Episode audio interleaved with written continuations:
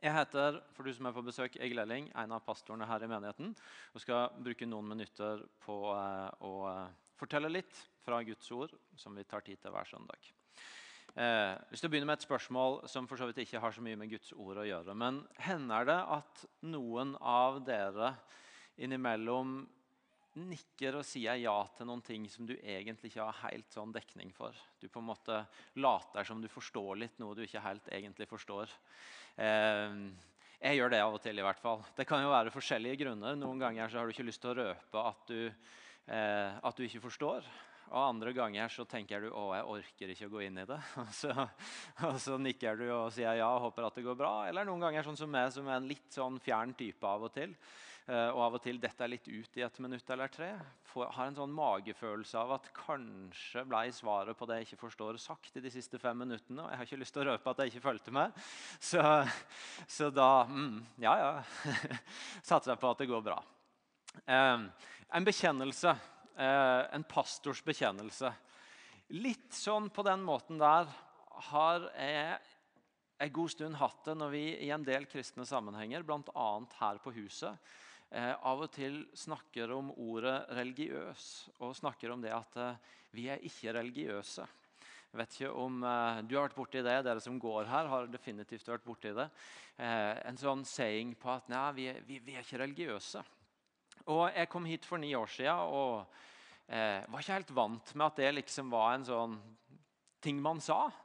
Eh, og begynte å fange opp at folk sa dette her med at nei, vi er ikke religiøse her på huset. og og Det ble liksom sagt litt på den der måten som fikk deg til å føle at det var sikkert et eller annet du gikk glipp av de siste fem minuttene. For alle sa det så selvfølgelig. liksom. Selvfølgelig er vi ikke det. Så, eh, så jeg tenkte liksom ja, ja, nei, nei, selvfølgelig er vi ikke religiøse. Men jeg liksom tenkte bak i hodet mitt at ja, nei, altså, jeg hadde jo religion på skolen, og da var kristendom en av de religionene. og det er noe kristne er.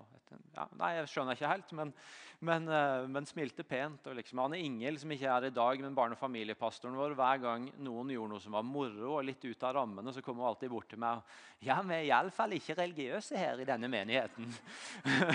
og jeg tenker liksom Jeg vet ikke helt hva du mener, men nei, nei, vi er ikke religiøse. Eh, prøver å henge med. Eh, og så Sakte, men sikkert så, så, begynte jeg å få et grep om hva som mente. Så Kanskje har, tror jeg egentlig aldri jeg har fått det på en måte så klart og godt forklart foran meg som eh, bare for et par uker siden, når Steve, som er en av teamet her, sto og leda, og vi hadde hatt om Babels tårn. og Han trakk opp denne forskjellen mellom oss mennesker som noen ganger forsøker å klatre opp til himmelen, klatre opp til Gud, finne vår vei til Gud, gjøre oss fortjent å komme til Gud og så er fortellinga i Bibelen om Gud og om hans vei det at han klatrer ned til oss. At istedenfor at vi prøver å finne veien opp til han, så er det faktisk han som har kommet ned til oss. Og det er en sånn grunnleggende bevegelse i hele Bibelen som, som, vi kan følge gjennom det som fortelles om Gud. At det står om han at han er en Gud som kommer mot oss, som beveger seg mot oss. At det er mennesker nok noen ganger kan gjøre sine forsøk på å klatre opp til han. Enten det som helt i starten av bibelfortellinga å bygge et tårn opp til han, eller på andre måter å gjøre seg fortjent til å finne veien til Gud, så er faktisk den grunnleggende fortellinga i Bibelen at Gud klatrer ned for å finne oss. Et par bibelvers som tydeliggjør det. Paulus, for eksempel, når han skal skrive til korinterne, så beskriver han Jesus på denne måten her. Enda han var rik, så blei han fattig for deres skyld, så dere skulle bli rike ved hans fattigdom. Beskrives hvordan Jesus enda han var rik, så var han villig til å bli fattig for at vi skulle bli rike, for at vi skulle få noe vi trengte, ved at han var villig til å legge ned sitt eget, til å gi avkall på sitt, til å bli fattig. Beskriver en bevegelse av å stige ned, av å gi avkall, av å komme oss i møte for at vi skulle få noe. Og Kanskje står det enda tydeligere i Salme 18, når salmisten sier om Gud at 'du bøyer deg ned for å gjøre meg stor'. Det er Guds bevegelse inn i denne verden. Du bøyer deg ned for å gjøre meg stor. Du bøyer deg ned for å løfte meg opp og for å løfte oss opp. For å komme oss i møte. Det er en sånn grunnleggende Guds bevegelse. Det er han som stiger ned, istedenfor at vi klatrer opp. Og så har vi De siste ukene her i menigheten snakka om tilbedelse. Jeg vet ikke om du er vant med det ordet eller ikke, men tilbedelse som på den ene sida utgangspunktet for at vi snakker om det, er at i kirka vår så bruker vi masse tid på å tilbe, på å synge lovsanger. Vi synger ofte mer enn vi har gjort i dag, og i lengre strekk. Og Vi tenkte vi må snakke litt om hvorfor vi gjør det. Og så har vi samtidig snakka om at tilbedelse er veldig mye mer enn lovsang. Lovsang er lyden av tilbedelse, men tilbedelse er et helt liv. Det er livet vi lever. Og Vi har snakka om hvordan vi er alle skapt for å tilbe, og alle tilber vi noe. Spørsmålet er ikke om vi tilber, men hva vi tilber. I Bibelen møter vi en fortelling om og en invitasjon til å tilbe Gud. Men hvis vi ikke velger å tilbe Han, så tilber vi gjerne noe annet. Noe rundt oss, noen rundt oss. Og så har vi snakka om hvordan det vi velger å tilbe i neste omgang, preger oss. Hvordan vi blir lik de vi tilber. Hvordan par som tilber hverandre, ofte begynner å ligne på hverandre. Og hvordan vi når vi tilber Gud, faktisk kan bli likedanna med Han. Vi kan begynne å ligne mer på Han, speile igjen mer av Han. Og Når det er, kommer til dette med tilbedelse, så er det noe som lett kan bli, for å bruke det begrepet, siden jeg nå har tatt dere med min, vandring fra å late som til å kanskje begynne å få et grep om det, så er det et begrep som, som det lett kan bli noe litt religiøst rundt, om du vil. Noe litt strebersk rundt, noe litt sånn prøve å få det til rundt. Eh, fordi tilbedelse er jo et litt inderlig ord. Det er et litt sånn intenst ord. Det å snakke om at jeg tror på noe, det på en måte kan høres ganske mye mer avslappa ut. Jo da, jeg tror på det. Men det å tilbe noe, det ligger en intensitet i, en glød i, som, som, er, som det, er sånn, det, er noe ganske inderlig over det. Og så kan det lett det, det, er noe vi tenker på som noe aktivt, som noe vi må ha hjertet vårt med på. Kanskje vi kjenner at vi må ha følelsene med på det. Et, det, det, er noe, det, er noe, som på en måte er mer oppsøkende over det. Og Så kan vi lett komme til å føle at tilbedelse gjennom det handler om vår vei opp til Gud på en eller annen måte. At når vi løfter hendene eller synger med ekstra inderlighet, eller kanskje til og med får fram noen tårer eller en eller annen følelse, så, så er vi litt på vei opp mot Gud. Litt på vei mot vår klatring opp mot Han. Eller hvis ikke vi føler at vi er det, så kanskje enda mer at vi føler at de andre er det. Og hvis det i tillegg som jeg sa, skjer med litt følelser og litt synlige følelser, så skjer det til og med med gode stilkarakterer. 20 i stil. Og Derfor er det så utrolig viktig for oss å få tak i at all vår tilbedelse, all vår takk, all vår lovsang, all vår henvendelse til Gud, det skjer som en respons på at han har oppsøkt oss først. All vår takk og tilbedelse og lovsang skjer som en respons på at han først har kommet oss i møte. På noe han gjør i møte med oss. Sånn at eh, det ikke begynner å handle om vår vei mot Gud, men at det skjer som en respons på at han henvender seg til oss. Og Det er en så viktig ting å ha på plass i livet vårt at tilbedelse er ikke først og fremst vår vei mot Gud, men det er vår respons på at han alltid er på vei mot oss. Og så er det sånn at Når det er sagt, da, så kan et fokus på at når vi tilber Gud, så må det ikke bli strebersk, det må ikke bli religiøst. Det må ikke bli, handle om at vi skal oppnå noe, at vi skal på en måte rekke opp til Gud, for det er Han som skal finne oss. Så kan jo det skape en sånn motreaksjon av at vi blir veldig passive. At vår rolle på en måte er å sitte og vente på Gud. Ja, finner du på noe snart, Gud, som jeg kan respondere på, som jeg kan takke litt for eller tilbe? At det skapes et sånt bilde av at, av at det å tilbe nærmest er at nå, nå, får du finne på noe som er bra nok først, Gud, og så skal jeg se om jeg vil respondere på det. Og så, og så blir det veldig passivt. Det blir veldig ventende. Men så er jo sannheten den at Gud han er hele tida i bevegelse mot oss. Gud han er den som hele veien strekker seg ut mot oss. Hans kjærlighet mot oss er ikke styrt av ytre omgivelser. Og Det betyr at den stopper ikke opp basert på eventuelt noe vi gjør eller ikke gjør. Den stopper ikke opp basert på noe som skjer rundt oss. Men hans bevegelse, hans kjærlighet, det har hele veien en retning mot oss. Det han har gjort, det er alltid verdt å takke for, fordi det, det har alltid en bevegelse mot våre liv. Og Det betyr at det egentlig aldri er grunn til å vente på noe å respondere på hos Gud. For det er alltid noe å gi han takk for. Det er alltid noe å gi respons for. Denne uka her så hadde jeg et sånt øyeblikk hvor, eh, Hvor jeg, jeg, kjente at nå har jeg behov for å bare stoppe opp og ta litt tid på å sette ord på overfor Gud noen av de tingene som jeg ikke får til i mitt liv. Det som vi gjerne kaller å bekjenne synd. Eh, på den ene sida ber jeg Fader vår, som vi ba her tidligere i gudstjenesten, hver dag. Og sånn sett sier 'forlat oss vår skyld', 'forlat meg min skyld' hver dag til Gud. Og så er det noen ganger jeg trenger å bare ta litt ekstra tid og sette ord på dette er ting jeg ikke har fått til Gud. Dette er ting jeg skammer meg litt over. Dette er ting som lugger litt. Og, og bare sette ord på det og be om tilgivelse for det. Det er noen ganger at de tinga der fester seg litt. Du kjenner at du blir litt sånn, du blir litt dratt av det. Det holder deg litt nedpå. Og jeg har gjennom åra lært at det er en dårlig idé å, å, bare gå og meditere på alle de tinga. Det hjelper ikke så mye. Og Det er også en dårlig idé å late som at det ikke fins. Det hjelper ikke så mye. Men jeg har gjort en del erfaring av at når jeg tror det som står i Guds ord, om at hvis vi bekjenner syndene våre, så er Han trofast og rettferdig. Så Han tilgir oss syndene og renser oss for all urett. Det er sant. Og så kan vi faktisk få reise oss opp i frihet igjen. Så er Se der, ja. Fikk jeg besøk.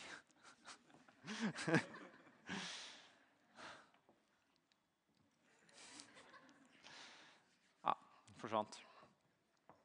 Eh, hvor var jeg? Jeg bekjente synder. eh, og og, og handla på erfaringen av at det er noe som gir meg frihet igjen. Som får meg til å reise meg opp igjen, som får meg til å kjenne meg frimodig igjen. Så jeg gjorde det. Og da jeg reiste meg opp og eh, var ferdig med å sette ord på de tingene jeg hadde behov for å legge av meg, så slo det meg bare at det er en ting ved Gud at, at enten jeg bekjenner det jeg ikke får til, det jeg lykkes med, det vi gjerne kaller synd, så vet han mer enn meg om hva jeg har å bekjenne. Det står i Guds ord om hvordan han han vet alt om hva som skjuler seg inni oss. Han vet alt om livet vårt. Det betyr at selv når jeg setter meg ned og tar tid til å bekjenne ting, så vet han mer om hva som rører seg i meg, enn det jeg gjør. Og Når jeg så reiser meg opp for å takke han, for å sette ord på takknemligheten min for at han har tilgitt meg, for alt han gir meg, for alle velsignelser jeg har, så, så har jeg ikke sjanse til å rekke over alt da heller. Da, da er det også fortsatt sånn at det er mye mer å takke han for enn det jeg klarer å komme opp med. Og så bare slo det meg denne sida ved Gud at enten jeg snakker om det som jeg ikke er så bra, det som jeg ikke er så stolt av, eller jeg snakker om det som er kjempebra og som jeg har lyst til å takke for, så er Gud større enn meg. Hans blikk er større, han vet mer enn meg, han ser mer enn meg. Han er Gud, og jeg er ikke Gud. Og, og jeg er alltid i den situasjonen at, at jeg har mer å takke han for enn det jeg kommer på. Salme 106 så sier salmisten det på denne måten her. Halleluja! Takk Herren, for han er god. Evig varer hans miskunn. Hvem kan nevne alle Herrens storverk, fortelle om det herlige han har gjort? Leser det siste verset en gang til. Hvem kan nevne alle Herrens storverk, fortelle om det herlige han har gjort? Salmisten sitter bare med denne her følelsen av at å, om jeg prøver, så klarer ikke jeg å regne opp alt det som er å takke Gud for. Alt det jeg har å respondere til ham på. Hvem i all verden kan regne opp alt det? Og Så forteller resten av den salmen litt om, om Guds vei med Israels folk, om at han leda de ut av Egypt. Han fant de i Egypt. Guds bevegelse nådde de, og han fant de, og han leda de ut. Og Så står det om at når det skjedde, så står det fra vers 12, da stolte de på hans ord og sang lovsang for han. Snart glemte de det han hadde gjort, og venta ikke mer på råd fra han. Når de hadde opplevd umiddelbart noe Gud hadde gjort. Så takka de for det, og de sang lovsanger. Men så, så står det snart så glemte de det han hadde gjort. Og de venta ikke mer på råd fra han. De mista av syne det Gud hadde gjort og gjorde for dem. Og så, og så glemte de det litt, og så stilna lovsangen, så stilna takken litt hen. Det var ikke det at Gud slutta å være god. Det var ikke det at Gud slutta å elske dem. Det var ikke det at Gud slutta å, å være i bevegelse mot dem. Men men gradvis så, så mista de da synet. Og så stilna lovsangen og tilbedelsen litt hen. Problemstillinga i våre liv er ikke om Gud gjør noe vi kan respondere på. Men om vi får øye på det, om vi har blikket vårt mot det, om vi tar imot det, om vi gir respons på det. Og Derfor så utfordrer det oss på valg i forhold til helbredelse, nei, helbredelse, i forhold til tilbedelse. Det utfordrer oss på, på hvilke valg vi tar. når det kommer til det å tilbe Gud. Og Det skal vi bruke noen minutter på å grave litt dypere i i siste del av denne talen. Når jeg leser om Gud og israelsfolket i den, Det gamle testamentet, så er det litt sånn følelsen av å være med på en sånn følelsesmessig berg-og-dal-bane. Satt og tenkte på forskjellige filmer og TV-serier jeg kunne brukt som illustrasjon på det. Jeg ble ikke helt fornøyd med noen av dem, men, men, du kan se for deg hvis du tenker på en film eller serie hvor du, hvor du er vant til å se sånn, et, et, par som beveger seg hele veien på en sånn opp og ned berg-og-dal-bane. Litt sånn følelse av og til når jeg leser om Gud og israelsfolket i Det gamle testamentet. Fordi Gud, han, vi møter han der, og han er den som stiger ned, som velger folket ut, som befrir dem fra slaveriet, som gir dem et land som flyter over av melk og honning, som, som inngår pakt med dem, som lover troskap til dem, og som alltid er trofast. Gud er Gud, han er trofast, han er stabil. Han gjør det han sier han skal gjøre. Og Samtidig så møter vi et folk som veksler mellom det å ta imot og respondere på det han gjør, og glemme det litt. Miste det av syne. Ikke vær så opptatt av det. Tenke at nå klarer vi oss fint sjøl. Kanskje finne noen andre guder å tilbe. En gud som er veldig stabil og veldig trofast, og et folk som, som går litt sånn her. Og Når du leser det, så får du i den dynamikken øye på noe som, som jeg tror faktisk er et ganske viktig poeng ved Gud. For det er når du, når du ser på hvordan Gud responderer på at israelsfolket er på denne berg-og-dal-banen, så oppdager du at det er, ikke, det er ikke nødvendigvis alltid det de gjør, han blir mest lei seg for. Det er ikke alltid det, det de gjør, som, som, volder han størst sorg. Men det er det i seg sjøl at de vender han ryggen. At de, at de, velger å ikke forholde seg til han, at de, at de velger å, å, legge ham bak seg. Og, og kanskje til og med tilbe noen andre. Det er lett å tenke at det, det, verste på en måte for Gud er det vi gjerne kaller syndige handlinger eller ting som var galt gjort. Og Det er ikke det at Gud ikke er opptatt av det, men, men det er som om det som, som virkelig gjør Gud mest vondt, som, som han, han syns er vanskeligst å forholde seg til, det er denne her, at de, at de grunnleggende vender seg bort. At de grunnleggende ikke forholder seg til han. Og En av de bøkene hvor det kommer veldig tydelig og ganske røft til uttrykk, er i ei bok som heter Hosea, hos profeten Hosea. Eh, der beskrives egentlig forholdet mellom Gud og israelsfolket.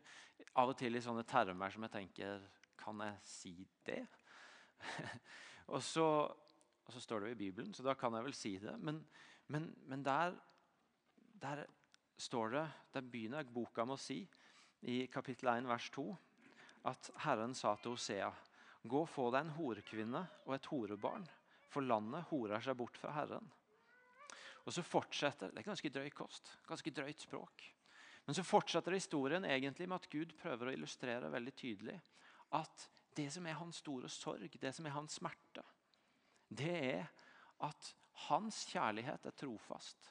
Han er hele veien trofast mot israelsfolket, elsker de. Hans kjærlighet står fast.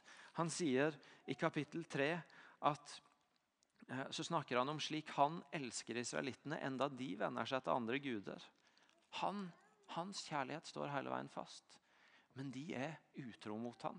Og Gud velger å bruke bildet ikke av de var ikke fullt så kristne eller de var ikke fullt så religiøse eller de var ikke fullt så ivrige eller de ble litt slappe eller lunkne. Men han velger å bruke begrepet utroskap for å få fram smerten for han i at de vender han ryggen. Og så står det inni her det som fascinerende, hvor Gud sier om israelsfolket at derfor så vil jeg lokke henne og føre henne ut i ørkenen og tale til hennes hjerte. Egentlig som om Gud sier jeg har lyst til å gå på date med israelsfolket igjen. Jeg har lyst til å sjarmere israelsfolket igjen, forføre det, sånn at, sånn at det, det, oppdager meg igjen og, og vinner tilbake til den første kjærligheten til meg. Og Så står det litt seinere der at 'jeg vil binde meg til deg for alltid'. Jeg vil binde meg til deg i rettferd og rett, i kjærlighet og barmhjertighet. Jeg vil binde meg til deg i troskap, og du skal kjenne Herren. Gud som igjen bare gir sånn uforbeholdent løfte om at jeg har ikke tenkt å gi slipp på deg. Jeg binder meg til, jeg forplikter meg til å elske. Jeg forplikter meg til å være i bevegelse mot deg. Og så er ønsket mitt å vinne hjertet ditt tilbake. Ønsket mitt er å, er å se deg vende din kjærlighet mot min igjen. Og Så sier han det helt eksplisitt i kapittel 6, vers 6. For jeg vil ha kjærlighet, ikke slaktoffer. Gudsgjenskap framfor brennoffer. Gud som sier at vet du noe, jeg, jeg er ikke så opptatt av at dere gjør alle de, de kristne greiene eller de religiøse greiene rett, med brennoffer og slaktoffer. Og I en sånn moderne oversettelse så står det 'Jeg vil heller ha kjærligheten din enn alle bønnemøtene dine'. Eh, som er en litt sånn Jeg er ikke så opptatt av alle aktivitetene dine, men jeg vil ha tak i hjertet ditt. Og det Hvorfor, hvorfor, bruker vi tid på dette her denne formiddagen? Jo, fordi vi, vi oppdager en Gud som stiller seg sårbar. Som på den ene sida er allmektig og den store Gud og, og, den kjærlige Gud. Men som allikevel velger å stille seg sårbar og si at 'jeg er sårbar for hvordan dere velger å respondere på min kjærlighet til dere'.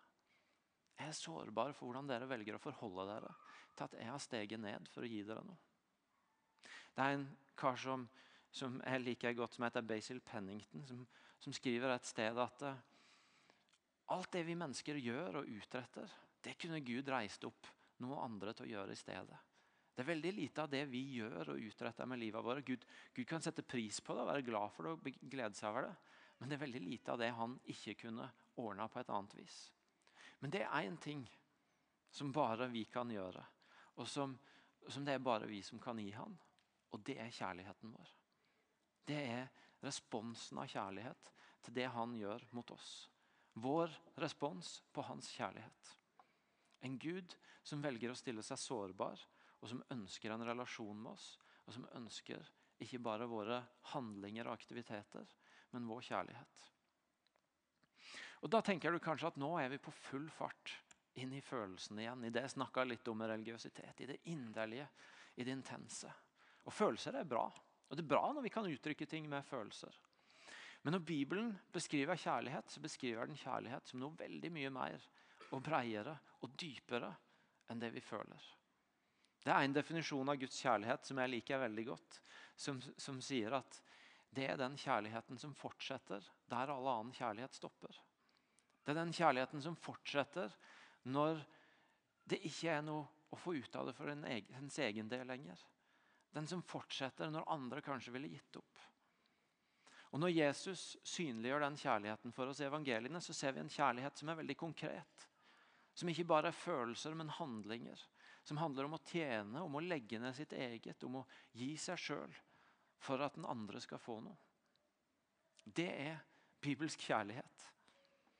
Og Det betyr at en av de viktigste måtene vi tilber Gud på, det er gjennom å velge han. Ikke alltid så ofte gjennom Eller hør meg rett, jeg har ikke behov for å si følelser betyr ingenting. Følelser er en del av livet vårt, og det er bra. og Vi skal få tilbe Gud med følelsene våre òg. Men å tilbe Gud er veldig mye mer enn det vi måtte føle. Men det er vårt valg av å velge Han i alle livets situasjoner. Igjen og igjen. Det å velge Gud når noe i livet utfordrer, deg, når noe er vanskelig, og du blir i tvil Skal jeg prøve å fikse opp i det sjøl? Eller skal jeg gå til Gud og velge Han da? Det å velge å gå til Han når du har gått på trynet, når du har noe du skammer deg over, og du, du lurer på tar han imot meg eller ikke. Er jeg god nok for han eller ikke? Allikevel velger han å gå til han. Martin sa sist søndag at en av de sterkeste formene for tilbedelse er å, er å gi våre nederlag og synder til han.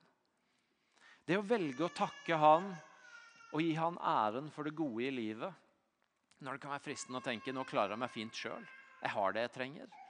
Men å velge å ære han og takke han i de gode dagene.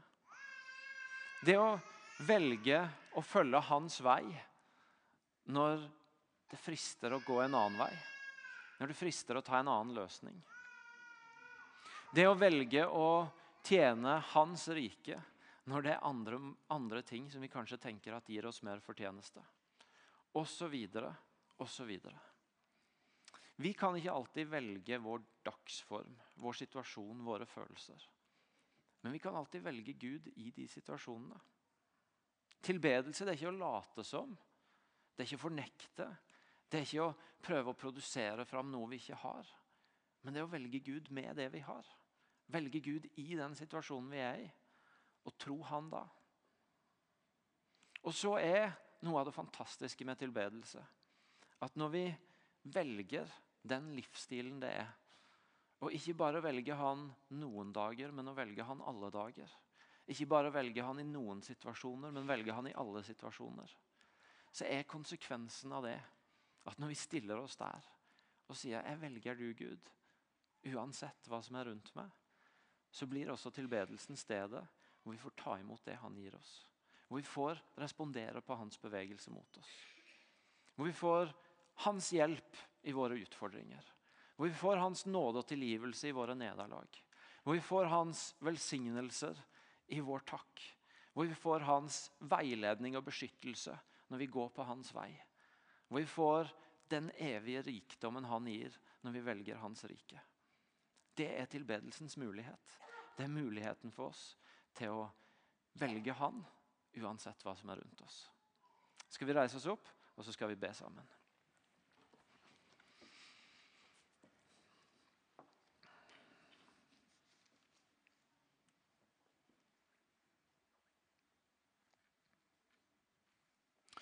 Far, jeg har bare lyst til å takke deg denne morgenen for at det er du som stiger ned til oss. Det er du som kommer oss i møte, og din kjærlighet alltid er i bevegelse mot oss. Jeg takker deg for at vi trenger ikke sitte og vente på å ha noe å takke deg for. For det er alltid noe å takke deg for. Og så takker jeg deg for at det å det å møte du, møte den bevegelsen, gi respons på den bevegelsen. Ikke er å late som noe annet enn det livet er, men det er å velge deg midt i det livet. Så akkurat denne formiddagen så ber jeg deg om at du skal, du skal la oss få bruke noen øyeblikk nå til å, til å velge deg igjen. Til å være sanne og ærlige om det som er livet vårt nå. På godt og på vondt. Og igjen få si til deg at jeg velger det. Jeg velger i tillit å ha tillit til at du er på vei mot deg. At løftene dine står fast. At aldri går du fra meg, som vi sang i stad. Jeg velger deg, Gud. Og Så ber vi deg om at du gjør oss til, til tilbedere. Til tilbedere som, som lever der. At hver dag er et, et valg for du, Gud. Et valg for å holde fast på du. Et valg for å gi tilbake og respondere tilbake på at du kommer oss i møte. Jeg ber deg fordi vi har døpt det i dag om at de barna skal få vokse opp som tilbedere. Som velger du, Gud, igjen og igjen gjennom oppveksten, oppveksten og gjennom livet. Ja. Det ber vi deg om.